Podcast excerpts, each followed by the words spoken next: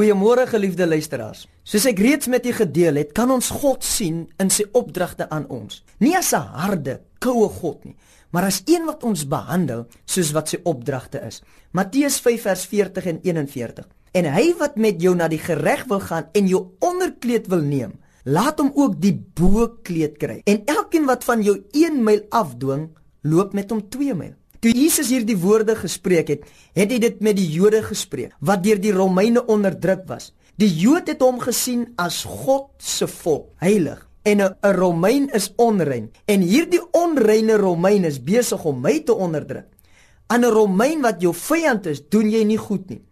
Want die wet sê dat jy jou vyand moet haat. Tand vir 'n tand en oog vir 'n oog. Jesus sê heeltemal iets anders. Gee vir jou vyand wat jou bokleed wil hê, ook jou onderkleed. Jy trek vir jou vyand uit of hy dit verdien of nie. Dit is presies wat Jesus kom doen het. Hy het sy kleed van heerlikheid uitgetrek sodat ons sy kleed van heerlikheid kan aantrek. Hy het gekom sodat ons lewe en lewe in oorvloed kan hê. Hy loop nie net 1 myl nie, maar 2, selfs 3 en as dit nodig is, loop hy 'n 100 myl. Nie omdat ek en jy dit verdien nie, maar omdat dit in sy goddelike natuur is en om die ekstra myl te loop. Dit is altyd vir God lekker. Hy sê dit is meer geseënd om te gee as om te ontvang. God se liefde en goedheid kan nie uitgeput word nie. Hy is nie net bereid om die booste kleed uit te trek nie, maar ook die onderkleed. Wat 'n wonderlike God uit sy volheid het ons ontvang ja genade op genade. God gee my sy genade en wanneer ek sy genade ontvang, gee hy my weer genade vir die genade wat ek ontvang het. En so gaan dit net aan en aan en aan. Hy is meer as genoeg. Ek glo jy's bekend met die gedeelte van die verlore seun.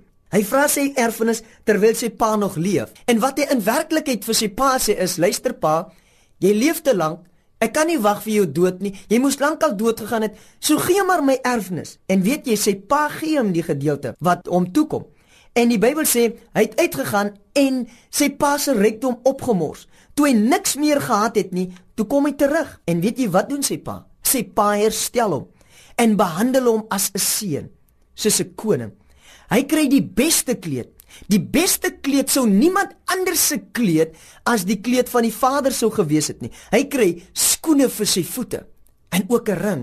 En is nie maar net sommer 'n gewone ring nie. Hierdie is die ring as sy pa besigheid gedoen het of kontrakte moes gesluit het, dan het sy pa hierdie ring gebruik as 'n seël. So wat sy pa sê is, luisterie, ek maak jou nie net my seun nie, jy kan van nou af in my naam dinge doen. Wat 'n wonderlike God wat jy nog nou moet oplet is dat alhoewel die seun sy pa se rykdom opgemors het, het dit nie sy pa verarm nie.